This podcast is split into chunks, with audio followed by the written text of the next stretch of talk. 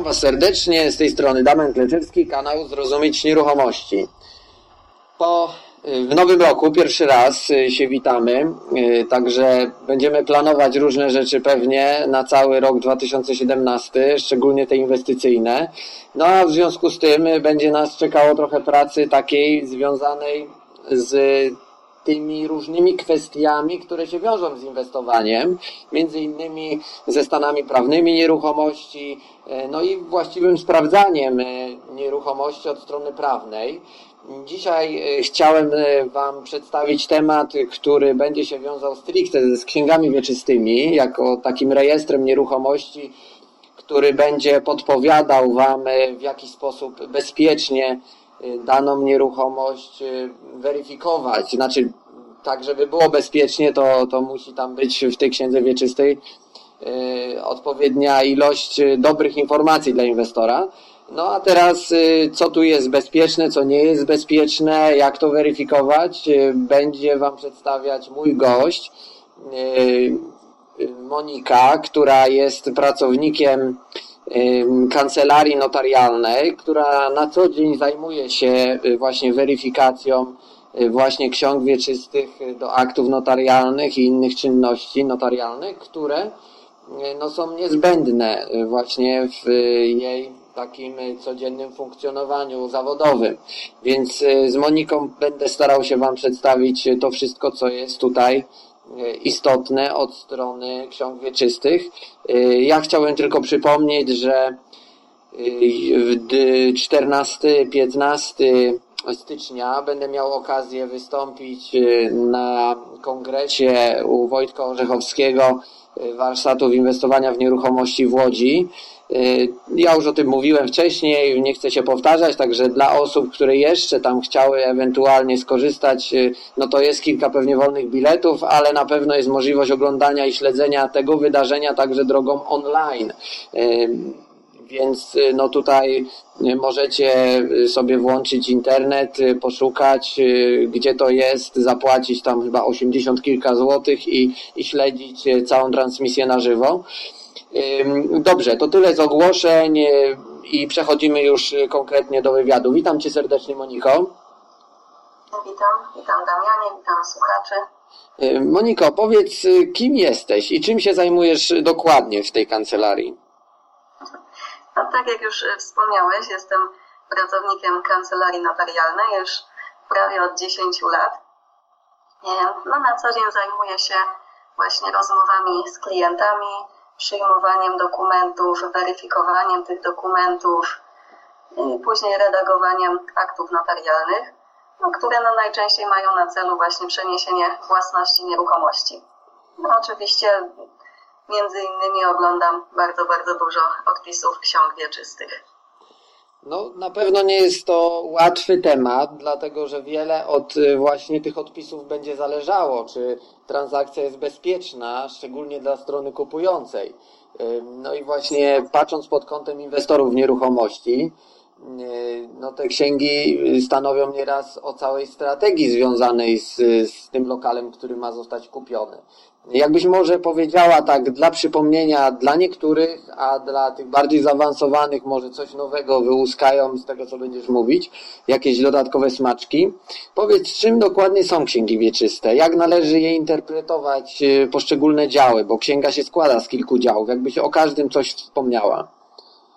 Tak, no tak ogólnie ujmując, księga wieczysta jest takim zbiorem informacji o danej nieruchomości. No, czy to o gruncie, czy o mieszkaniu, budynku. Obecnie księgi wieczyste mają postać elektroniczną, czyli takie zapisy na serwerze.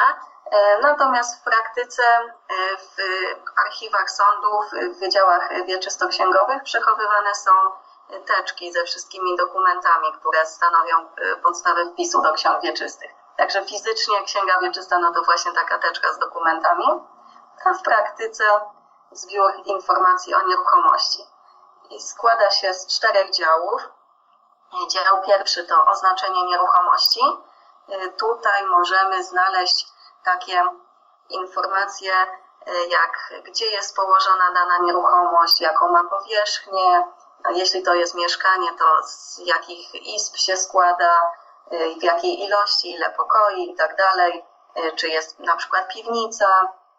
Jeśli jest to działka, no to oczywiście powierzchnia, numer działki. No tego typu informacje będą właśnie w dziale pierwszym. Później jest taki jakby poddział pierwszy SP, czyli spis spraw związanych z nieruchomością, czyli jeżeli y, do naszej danej nieruchomości są, są z nią związane jakieś prawa, to właśnie tutaj je znajdziemy.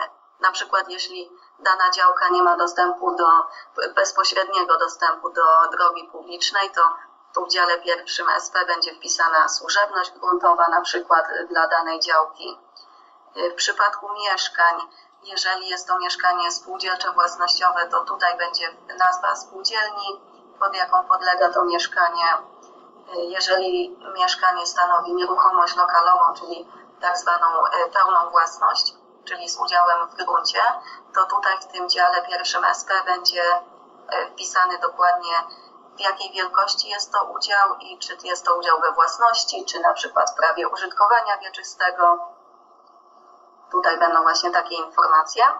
E, kolejny dział drugi, własność, bardzo ważny, czyli tutaj jest oczywiście wpisane właściciel, czy też współwłaściciele.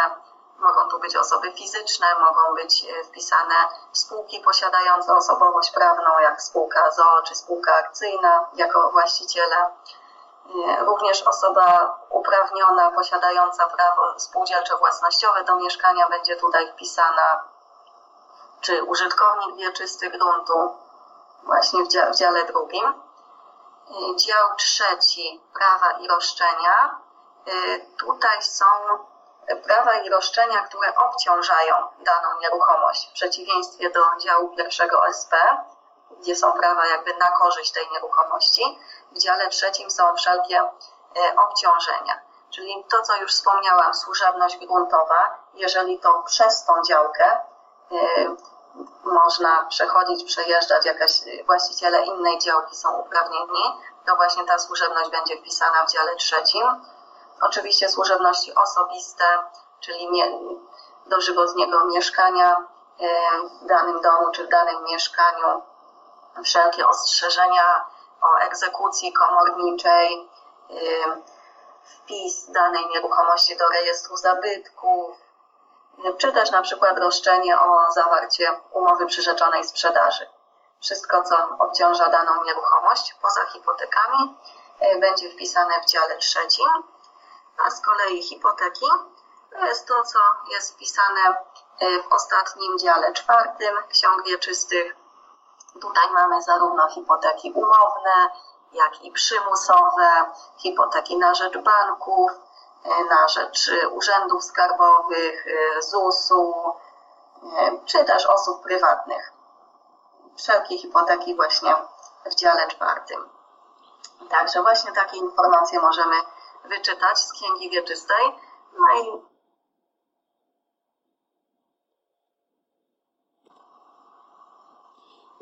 Coś mi przerywa. Nie wiem, dobrze się słyszymy? Y, Moniko, a powiedz w takim razie, y, czy są y, jakieś inne dokumenty, które są ważniejsze z punktu widzenia prawa niż księga wieczysta danej nieruchomości?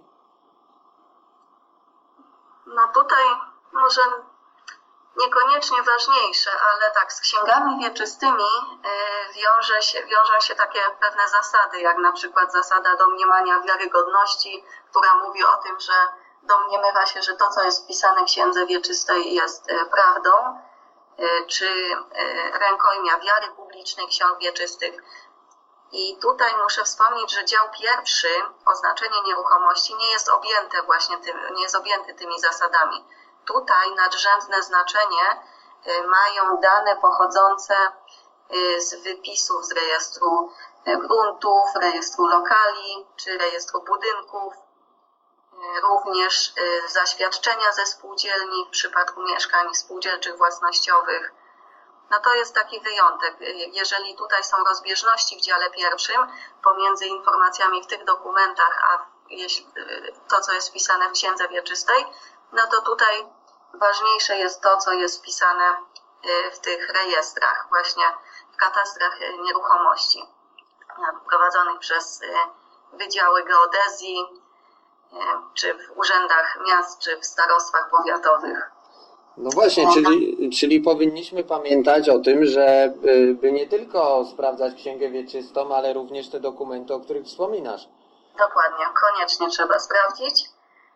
Również warto, jeżeli e, obecny właściciel nabył nieruchomość e, poprzez akt notarialny, również warto ten akt notarialny sobie przeczytać, sprawdzić, czy tam na pewno wszystko zostało ujęte, czy wszystko zostało wpisane.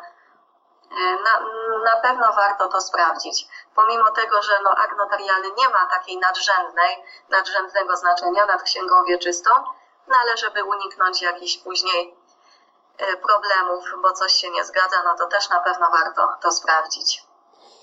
A powiedz y, z punktu widzenia inwestora, y, ktoś chce kupić mieszkanie na rynku i co mu daje księga wieczysta? Jakie ma z tego korzyści? Poza oczywiście tym, że y, może sobie wziąć kredyt hipoteczny i bank ma się gdzie wpisać. Czy są jeszcze jakieś inne takie duże argumenty, bo te mieszkania właśnie z księgą wieczystą się okazuje są zawsze lekko droższe od na przykład mieszkań, które są w kamienicach na udziałach, czy mają e, spółdzielcze własnościowe prawo do lokalu, pomimo to, że można je przekształcić, e, no to choć nie zawsze, bo czasami spółdzielnia jest na takiej działce, gdzie ma ten nieuregulowany stan prawny, czy są jakieś inne korzyści? No na pewno generalnie tak e, istnienie ksiąg wieczystych ma zapewnić bezpieczeństwo obrotu nieruchomościami, tak jak i wymóg przenoszenia własności nieruchomości poprzez akty notarialne ma tutaj wyeliminować to jakieś próby oszustwa, fałszerstwa dokumentów e, i tak. Księgi wieczyste są jawne. Każdy ma do nich dostęp, niekoniecznie właściciel, również nabywca. Jeżeli tylko zna numer księgi wieczystej, to może się zapoznać z jej treścią, czy to bezpośrednio w sądzie, czy nawet przez internet na stronie rządowej do przeglądania ksiąg wieczystych. E, także no, księga tutaj pozwala e, właśnie zapoznać się z różnymi informacjami o księdze wieczystej.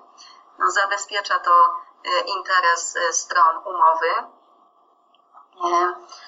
Istnienie księgi wieczystej no generalnie każdemu właścicielowi każdej nieruchomości zabezpiecza go przed ryzykiem na przykład zniszczenia czy zgubienia dokumentów potwierdzających własność nieruchomości. Nawet jeżeli nie wiem, jego akt notarialny spłonie w pożarze, no to jest księga wieczysta odpowiednio zabezpieczona w sądzie. Także to na pewno jest też na plus.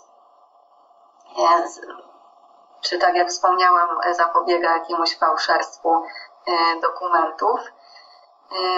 Na pewno, jeżeli chodzi, dlaczego e, ludzie wolą kupować mieszkania, które posiadają już księgi wieczyste, niż takie, których jeszcze, które jeszcze ich nie mają, no na przykład właśnie ze strachu, czy to mieszkanie nie zostało już komuś sprzedane, czy te informacje na pewno są aktualne, a czy na pewno y, tam nie ma jakiegoś zadłużenia, a może jak ktoś y, jakiś ma długi w urzędzie skarbowym czy w ZUS-ie i ktoś już chce zająć to mieszkanie, no tutaj nie mając księgi wieczystej, no nie możemy mieć stuprocentowej pewności, że taka sytuacja nie ma miejsca. Y, czy to, co właśnie wspominałeś na temat tego, że niektóre spółdzielnie mieszkaniowe w Polsce nie mają y, uregulowanego prawa do gruntów, na których y, posadowione są bloki, w których są te mieszkania, no i tutaj są różne takie, różne interpretacje, różne kontrowersje, czy na przykład jeżeli spółdzielnia mieszkaniowa się zadłuży, to czy ktoś może nam zająć nasze mieszkanie, bo ono nie jest nasze, tylko częściowo spółdzielni. I no tego typu obawy są, dlatego no, tym bym tłumaczyła, dlaczego ludzie wolą jednak mieszkania, które posiadają księgi wieczyste. A powiedz, y, co się dzieje w takiej sytuacji, kiedy y, właśnie mowa o takich blokach y, spółdzielczych, kiedy grunty są nieuregulowanym statusie prawnym i mają pomimo tego księgi założone, dlatego że prawo było na tyle zmienne, albo ktoś y, na tyle y, no, lekkomyślny, bym powiedział, że jednak te księgi pozakładał y, niektórym lokalom i, i te lokale są w obrocie. I teraz, jeżeli taki kupujący nie sprawdzi wypisu z rejestru gruntów, czy nie dostanie jakichś bardziej szczegółowych do transakcji informacji od spółdzielni, choćby zaświadczenia o tym, że lokal, y, znaczy, że y, działka pod tym budynkiem ma uregulowany status prawny i może zostać na przykład taki lokal wyodrębniony, no to są przecież, y, się spotykam z tym, mieszkania spółdzielcze, własnościowe prawo do lokalu z księgą wieczystą, a pomimo tego, że grunt jest nieuregulowany.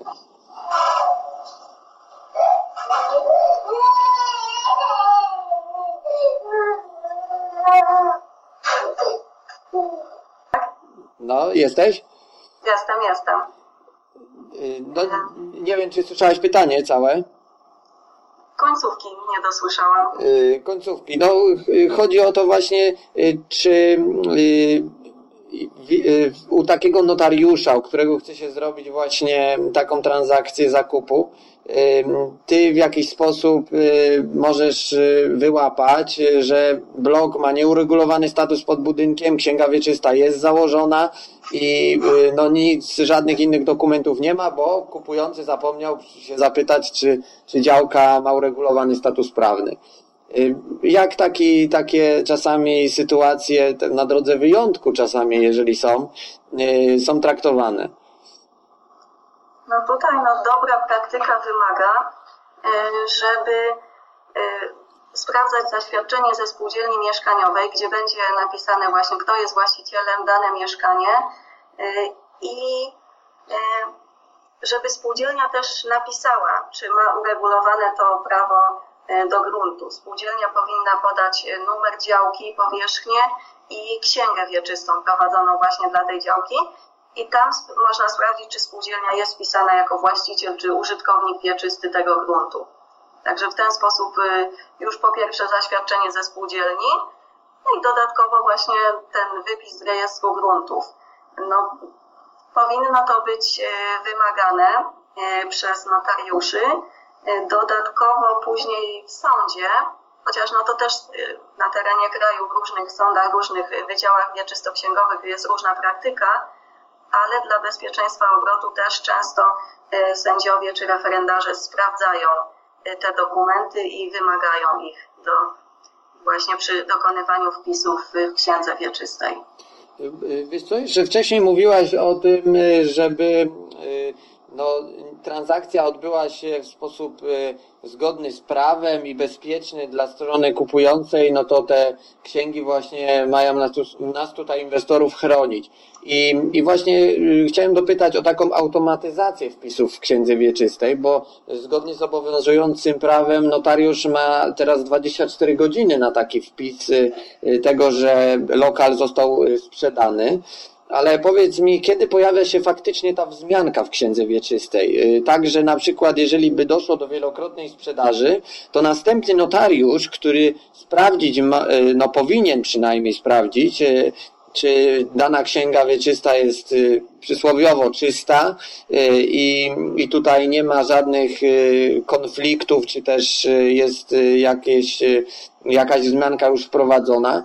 Y, no, kiedy ta, ta wzmianka od tego pierwszego notariusza się, się pojawia? Właśnie, żeby przestrzec przed wielokrotną sprzedażą. No rozumiem. Tutaj, y, tak jak wspomniałeś, y, ustawa nakazuje, żeby notariusz zamieścił tą wzmiankę w ciągu 24 godzin. Oczywiście dobro klientów, interes obu stron i dobra praktyka nakazuje, żeby taką wzmiankę zamieścić od razu, niezwłocznie po podpisaniu aktu notarialnego. Także my jako kupujący też y, możemy tego y, przypilnować, czy o to poprosić, czy sprawdzić, czy to jest już y, po nasz, jeszcze przebywając w kancelarii, czy taka wzmianka jest zamieszczana. Natomiast kiedy ona się pojawi w systemie, no powinna się w ciągu dosłownie kilku sekund, minut pojawić ale oczywiście mo może się zdarzyć, że potrwa to dłużej. No różnie ten system działa. E, może to się czasem przedłużyć do kilku godzin. Także no, w ten sposób to wygląda. No, ale... Staramy się, żeby to było jak najszybciej. A y, zobacz taką hipotetyczną sytuację zakładając, że Tak. y, ktoś chce kupić lokal y, i ten y, drugi sprzedający chce go y, oszukać, bo kilka razy chce sprzedać. No i teraz y, u notariusza pierwszego y, transakcja przechodzi, idą do drugiego i ten pierwszy notariusz y, no niby tam wpisał, ale no y, właśnie ten termin taki niezwłocznie, bez zbędnej zwłoki, to są takie terminy, które y, de facto nie zabezpieczają w żaden sposób y, kupującego, bo równie dobrze może to zrobić po 5-7 godzinach, a czasami notariusz skacze z jednej czynności na drugą czynność i nie ma kiedy tego zrobić, tym bardziej jego pracownicy, którzy na bieżąco y, mielą dokumenty adekwatnie do sytuacji dopiero kiedy zakończy się cały proces wszystkich czynności y, w danym dniu, czasami są te dokumenty dopiero wprowadzane do tego systemu. Powiedz, czy ten system jest faktycznie szczelny i y, na tyle sprawny z takiego Twojego doświadczenia, od kiedy on został wprowadzony y, w, w ubiegłym roku, że y, no, gwarantuje w jakiś sposób bezpieczeństwo? I, i drugie, drugie jeszcze tylko takie pytanie co do tego. Czy w sytuacji takiej, kiedy doszłoby do wielokrotnej sprzedaży, to decyduje teraz wzmianka, która się pojawi od notariusza, który jest, y, y, przestrzega ty, tej reguły, że jak najszybciej po danym akcie idzie to wdrożyć, pomimo, że na przykład y, był to trzeci czy czwarty notariusz i, i to ten, y, ten kupujący wygrał, że tak powiem, to mieszkanie? No tutaj mogą się co do interpretacji spierać nawet profesorowie prawa, tak jak to było wcześniej, zanim wprowadzono ten system. Były spory, kto jest właścicielem w przypadku kilkukrotnej sprzedaży mieszkania. E, No ja na szczęście w swoim doświadczeniu się nie spotkałam z czymś takim, z taką sytuacją, żeby ktoś po raz kolejny próbował sprzedać to samo mieszkanie.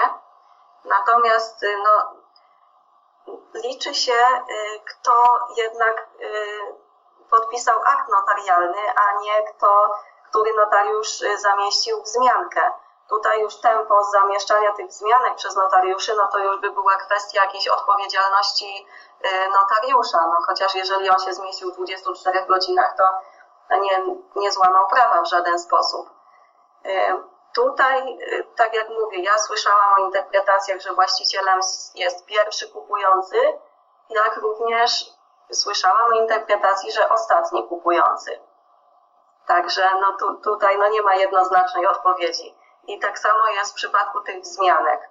Z tym, że no jeżeli już się pojawiła jedna wzmianka, no to już żaden kolejny notariusz y, no nie zamieści wzmianki, bo już będzie widział, że, że tutaj już coś y, się zadziało z własnością tej nieruchomości. Już ta nieruchomość chyba zmienia właściciela. Tak ta wzmianka w dziale drugim może sugerować. Y, Wiesz co, może pewnym rozwiązaniem byłoby wpisywanie w akcie godziny tego sporządzenia tego aktu, bo wtedy taki sprzedający ma wiarygodny dokument, że pomimo na przykład, że mieszkanie zostało dwu, trzykrotnie sprzedane, bo może to mieć miejsce, y, bo też chciałem to naświetlić jako pewne potencjalne ryzyko, y, szczególnie w sytuacji takiej, kiedy ktoś chce szybko sprzedać za gotówkę, bardzo tanio y, i zrobić to z dnia na dzień, y, bez jakichś tam dokumentów, niby, że to jest okazja, więc na takich sprzedających trzeba szczególnie się wyczulić. Y, No i wówczas ta, to wpisanie godziny sporządzenia aktu może niejako udowadniać w dalszym procesie, jeżeli faktycznie by trzykrotnie został taki lokal sprzedany, że ten akt był pierwszy. E, Tak, jak najbardziej. E, Na pewno to pomaga i na życzenie stron nie ma żadnego problemu, żeby wpisać datę rozpoczęcia e, odczytywania, jak również zakończenia i podpisania aktu notarialnego. Można to napisać szczegółowo co do godziny. No, faktycznie takie ryzyko istnieje. E, Na pewno kiedyś było dużo gorzej, szczególnie po pierwsze w czasach, kiedy nie było jeszcze elektronicznego przez internet dostępu do ksiąg wieczystych, tylko, tylko i wyłącznie sądowe y, papierowe odpisy, które były honorowane nawet jeśli miały kilka dni czy do miesiąca. Y, Tutaj no, pierwszym krokiem było udostępnienie tych ksiąg wieczystych przez internet. To na pewno w dużym stopniu ograniczyło to ryzyko. Jak najbardziej kolejny ten krok, czyli zamieszczanie wzmianek przez notariuszy niezwłocznie po podpisaniu aktu notarialnego po raz kolejny znowu zmniejszyło to ryzyko. Natomiast no, nie jest ono na, wciąż w 100% wyeliminowane. Nie, nie jest ten system, chociaż już bardzo dobry, to wiadomo, że nie, nie jest idealny i doskonały i no zawsze się znajdzie jakiś sposób na obejście tego. A y, powiedz y, w takim razie może, y, jak wygląda sam proces wpisywania i usuwania wpisów w księdze wieczystej, bo z tym też się musimy spotkać, chcąc nabyć, sprzedać mieszkanie, chcąc wpisać służebność, kogoś na dożywocie, wykreślić kogoś, więc to jest taka że bym powiedział, no nieraz konieczność w przypadku każdej transakcji, z którą się zmierzy każdy, bezwzględnie każdy, no jeżeli ta księga występuje. I teraz jakbyś mogła trochę o tym procesie powiedzieć.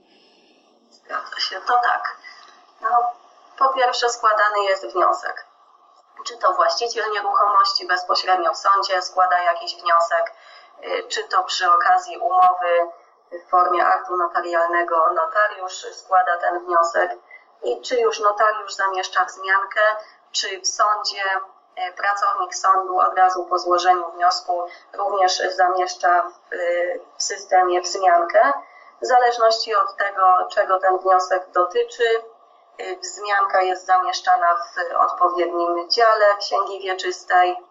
Tam jest podana data, godzina wpłynięcia wniosku, tak ogólnie czego ten wniosek dotyczy. No i następnie wszelkie dokumenty, wniosek i dokumenty, które mają stanowić podstawę tego wpisu czy też wykreślenia, trafiają do sędziego lub referendarza sądowego, który te dokumenty sprawdza, analizuje, rozpatruje wniosek i dokonuje wpisu czy też wykreślenia z księgi wieczystej i, i zatwierdza to. No, jeżeli chodzi o zamieszczenie wzmianki, no to jest ona zamieszczana od razu po złożeniu wniosku.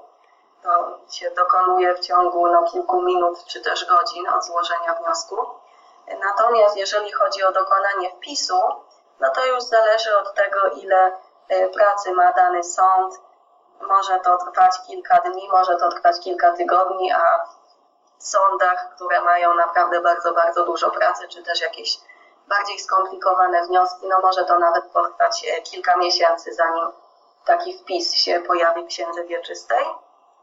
Następnie wszelkie strony, których dotyczy ten wniosek, czyli czy też właściciele, czy nowi nabywcy nieruchomości, osoby, na rzecz których na przykład jest wpisywana służebność, czy też bank, na rzecz którego jest wpisywana hipoteka, wszystkie te osoby dostają zawiadomienia z sądu, że taki wpis został dokonany i mają czas na odwołanie się od tego wpisu.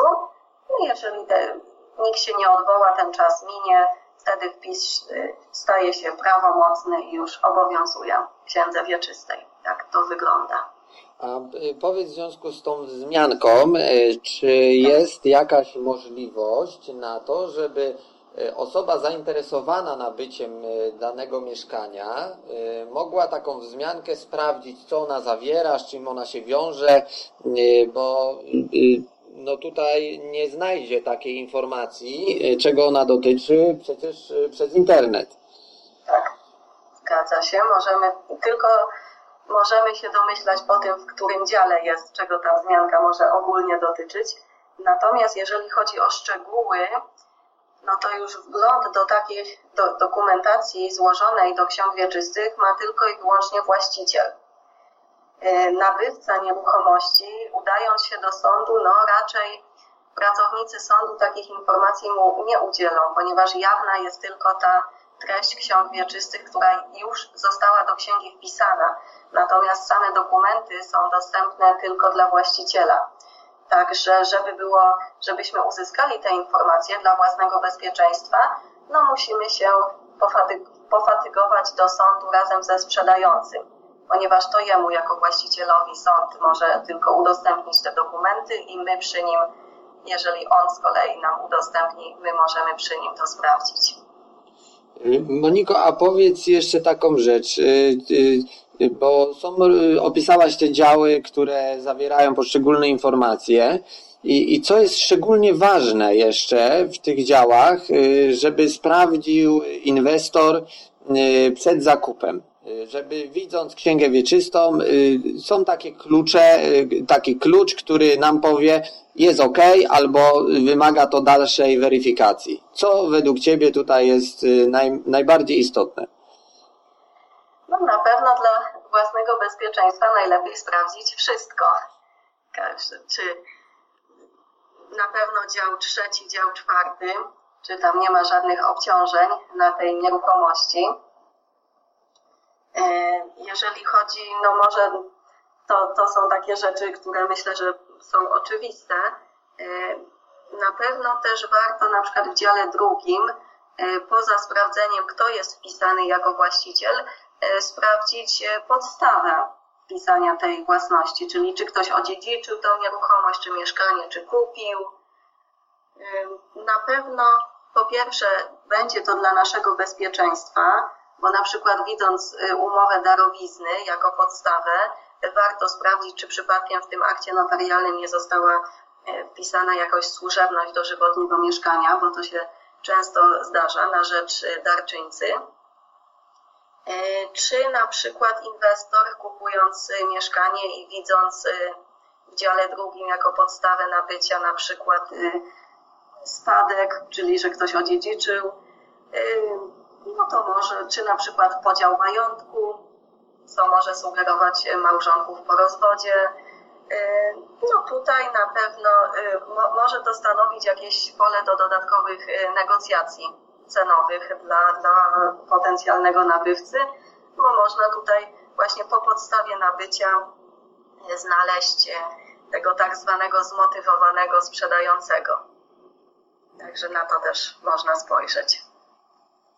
Y, a słuchaj, y, czy poza tymi dokumentami, które y, wspomniałeś na początku, między innymi wypis z rejestru gruntów czy zaświadczenia ze spółdzielni związane z samą działką, mogą jeszcze podważyć wiarygodność księgi wieczystej jako, jako swoisty wyjątek?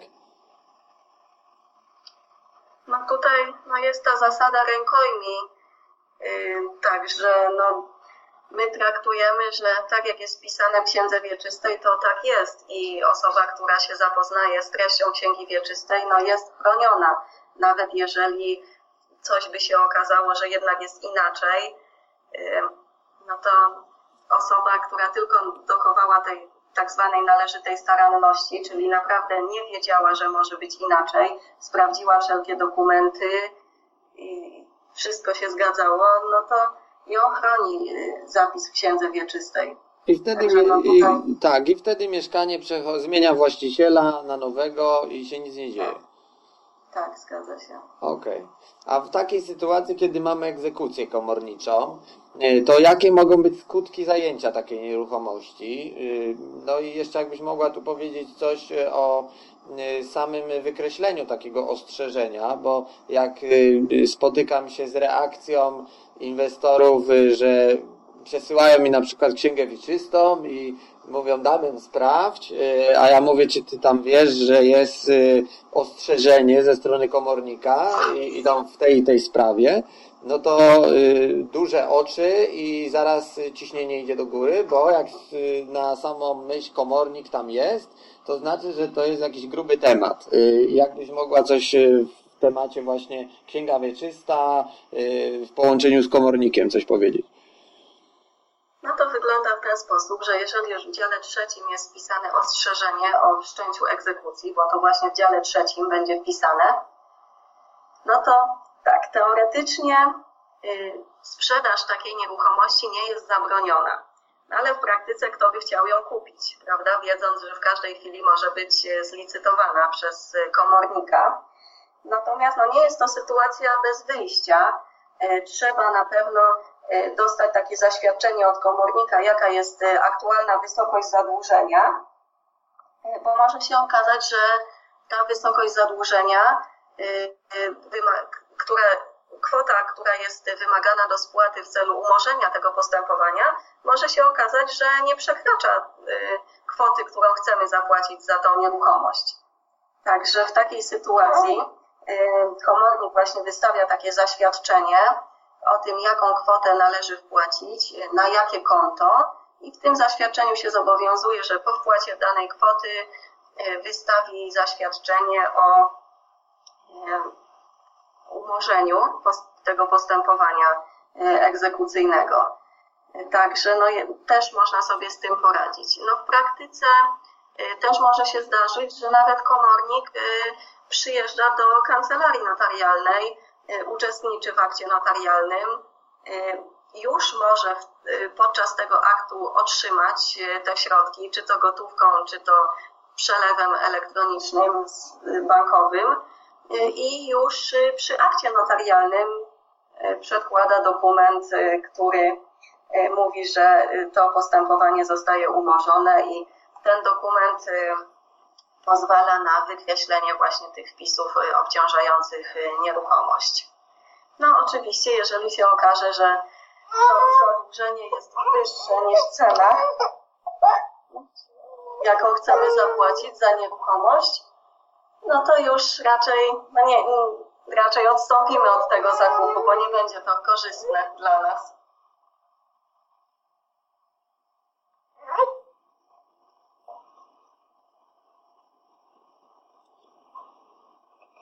Tam słyszę małego inwestora, który gdzieś tam się odzywa. Tak, ale chyba już śpi dalej. Śpi dalej, dobrze. Nie będziemy krzyczeć, żeby nie, nie rozbudzać. Y, a powiedz jeszcze, bo y, przeglądając troszeczkę informacji y, kiedyś w internecie natknąłem się na takie, takie zdanie odnośnie wykreślenia wpisów ujawnionych w Księdze Wieczystej na podstawie nieobowiązujących przepisów. I to mnie tak zastanowiło. Nie miałem z kim tak za bardzo o tym porozmawiać, gdzieś to w pamięci mi zostało.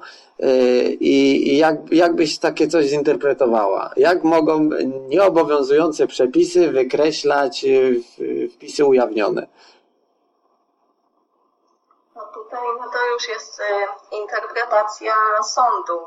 To pozostaje do interpretacji sądu, w jaki sposób można dane wpisy Y, wykreślać, bo nie wiem dokładnie o co tu chodzi, czy o jakieś na przykład starsze hipoteki, zdarzają się nawet hipoteki sprzed kilkudziesięciu lat, w ogóle y, w kwotach zupełnie nieadekwatnych do obecnych pieniędzy.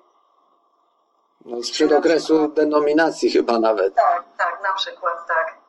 Czy na przykład no, kiedyś był podział na hipoteki Y, zwykłe kaucyjne, w tym momencie jest po prostu jedna hipoteka, jeśli chodzi o hipoteki umowne.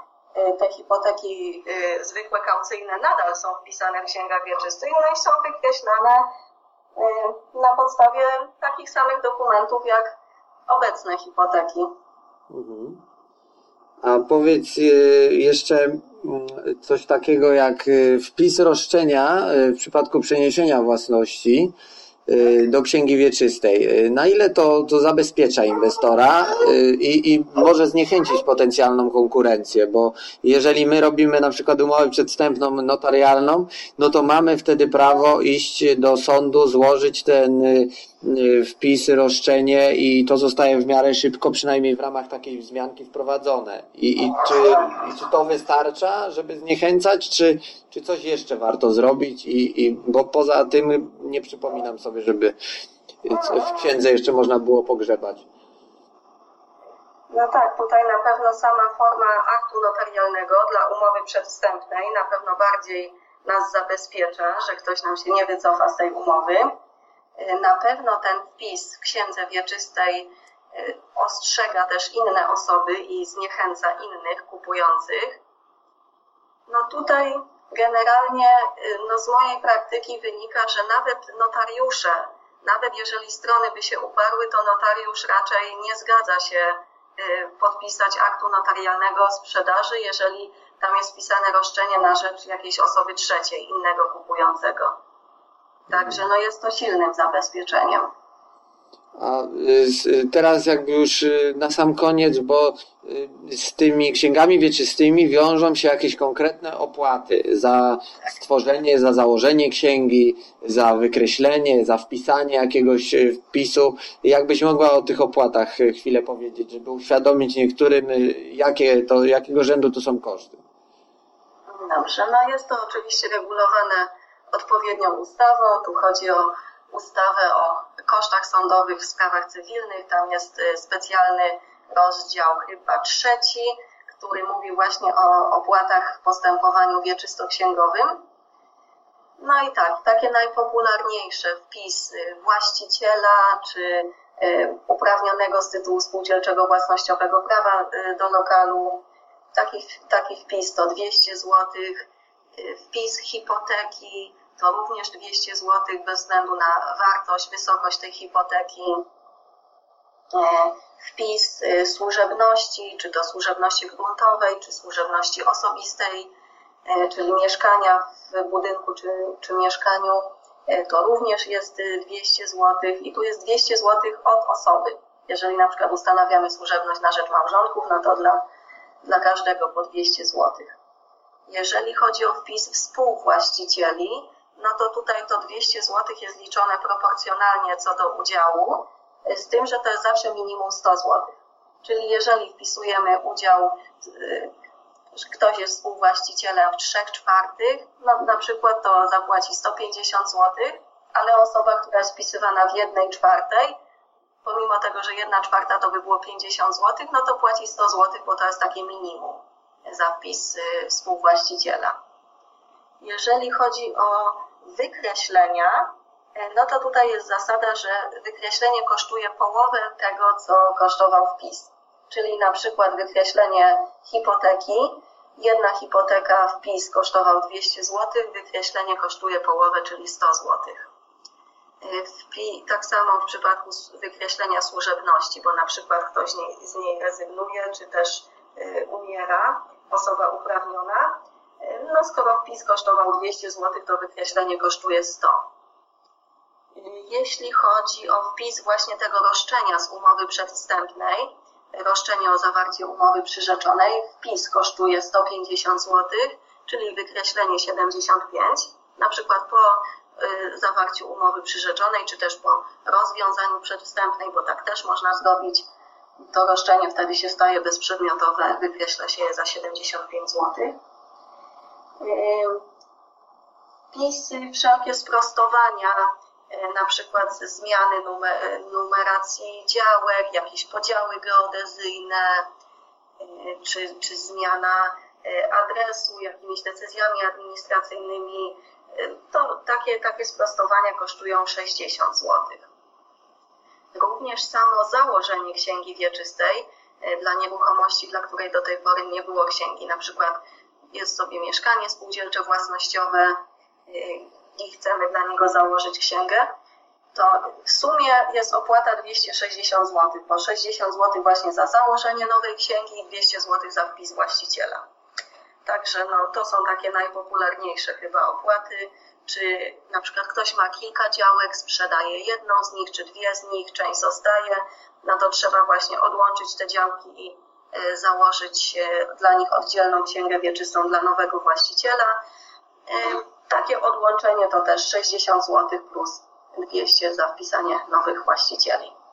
To są chyba takie najpopularniejsze opłaty. No oddzielne są oczywiście opłaty za wydawanie odpisów, czy to w sądzie, czy to przez elektronicznych.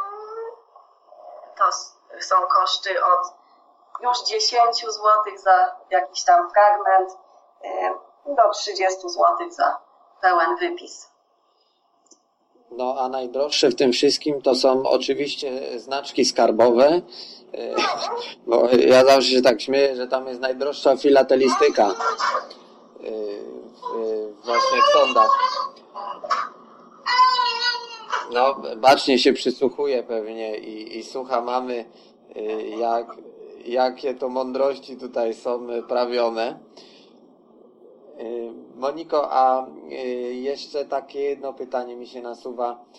W sytuacji takiej, kiedy jest właśnie takie roszczenie wpisane co do sprzedaży, to jeżeli do niej nie dochodzi, bo minął termin, a ten, co chce kupić, nie, nie reaguje w ogóle, rozpłynął się w powietrzu, no i tam powiedzmy przepada mu zadatek, to co, w jakiej on roli stawia sprzedającego, kiedy taki wpis jest w księdze wieczystej i to wiadomo, że z dnia na dzień nie zostanie usunięty, a tamtemu się pali na przykład grunt pod nogami, bo temu się termin skończył, nie zapłacił, rozpłynął się, a z kolei jest wpis i nie może jej sprzedać. No tutaj można powiedzieć, że ten niedoszły kupujący mocno blokuje sprzedającego, bo zasada jest taka, że w umowie przedwstępnej był wpisany jakiś ostateczny termin, do kiedy ta umowa przyrzeczona powinna być zawarta. I teraz od tego y, ostatecznego terminu podanego w umowie przedwstępnej musi minąć rok i wtedy można to y, roszczenie wykreślić z księgi wieczystej. Właściciel nieruchomości może złożyć do sądu wniosek o wykreślenie tego roszczenia, no bo już minął termin, minął rok od ostatecznego terminu, do umowy nie doszło, wtedy sąd wykreśli to roszczenie. No, czyli może taki y, człowiek kogoś zblokować nawet na rok czasu. No niestety może, może się tak zdarzyć. No właśnie.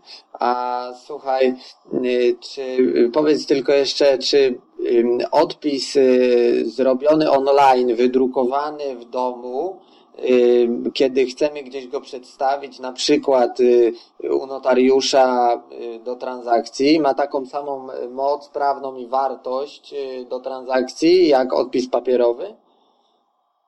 Tak, zgadza się. Tutaj prawo Ustawa mówi jednoznacznie, że te odpisy, czy to wydane przez sąd i zaopatrzone w pieczęcie sądowe, czy te odpisy e, elektroniczne, które jako zabezpieczenie posiadają taki swój indywidualny kod cyfrowy, one są tak samo ważne.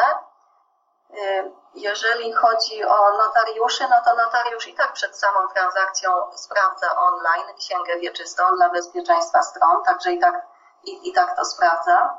Również y, jeśli chodzi o potencjalnego nabywcę, jeżeli chcemy kupić nieruchomość, no to też na pewno warto, najbezpieczniej jest sobie samemu sprawdzić tą księgę wieczystą, czy to w sądzie, czy przez internet. Z kolei jeśli chodzi o te wypisy elektroniczne, one właśnie mają taki kod cyfrowy i Wpisując ten kod też możemy sprawdzić e, autentyczność e, takiego odpisu.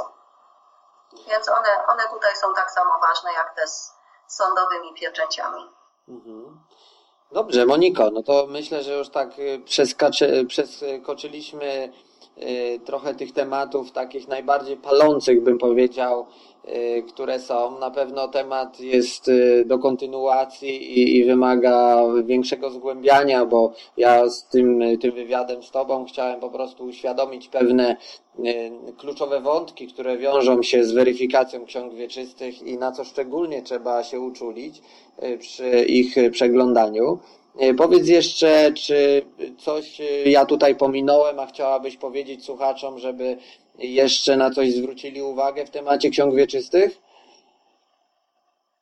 No może y, takie pewne zasady, na przykład, że księga wieczysta jest zawsze prowadzona dla nieruchomości, nie, nie dla właściciela, czyli jeżeli ktoś ma mieszkanie i sprzedaje je, no to jakby cała ta księga wieczysta przechodzi na tego nowego właściciela. Ona jest y, prowadzona dla danego mieszkania. Nawet jeśli ktoś sobie kupi inne, no to nie, nie może do, dopisać sobie do tej samej księgi wieczystej, tylko każda nieruchomość ma swoją własną księgę. Y, może jedna osoba mieć kilka. Y, kolejna taka zasada, co też może nie każdy sobie z tego zdaje sprawę, no tak może nie, nie tylko z księgami wieczystymi związana, tylko ogólnie z, z własnością nieruchomości. E, zasada, która mówi, że to, co jest na gruncie, e, jest e, własnością właściciela gruntu. Czyli jeżeli ktoś jest wpisany w dziale drugim jako właściciel danej działki, no to jest, jest też również właścicielem wszystkich budynków na tej działce, bez względu na to, czy to on te budynki wybudował.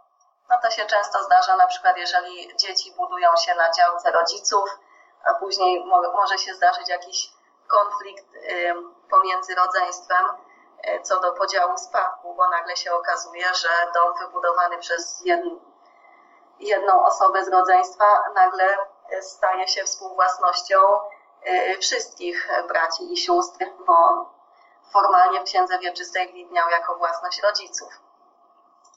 I może jeszcze taka ostatnia e, wskazówka. Wspominałam, że e, sąd dokonując jakichkolwiek wpisów czy wykreśleń w księdze wieczystej informuje właściciela nieruchomości, że taki wpis e, został dokonany.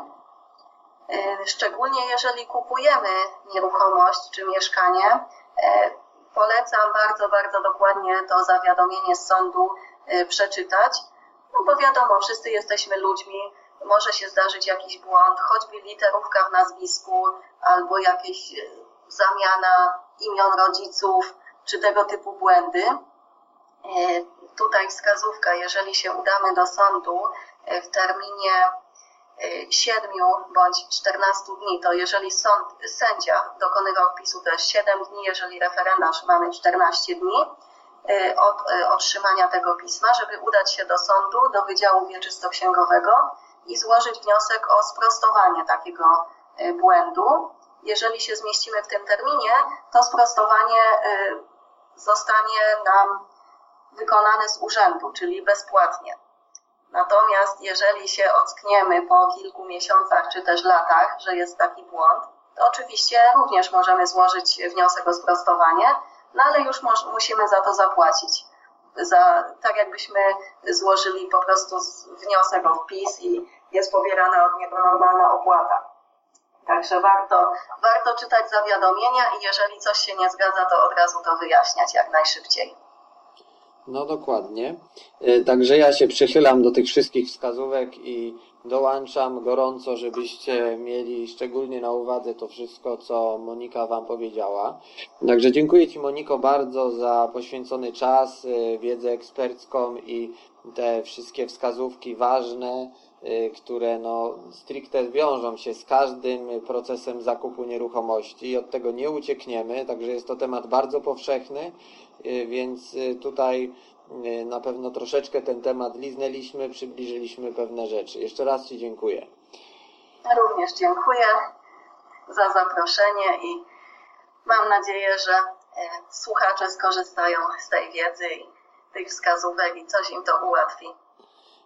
Także moim gościem i waszym dzisiaj była Monika Balińska, e, która na co dzień też inwestuje w nieruchomości. Jak z Moniką rozmawiałem, będąc na jednej z prezentacji klubu inwestora w Częstochowie. E, także e, z mojej strony na dzisiaj to już jest tyle i jak będą jakieś Wasze pytania związane z tematem ksiąg wieczystych, to bym prosił, żebyście je zadawali typowo zaraz pod, y, w komentarzach pod audycją. Ja przekażę Monice, żeby też y, czuwała i w miarę możliwości Wam odpowiedziała y, na te różne wątpliwości, które mogą Wam się nasunąć w związku z Waszymi różnymi sprawami. Trzymajcie się, wszystkiego dobrego, na razie.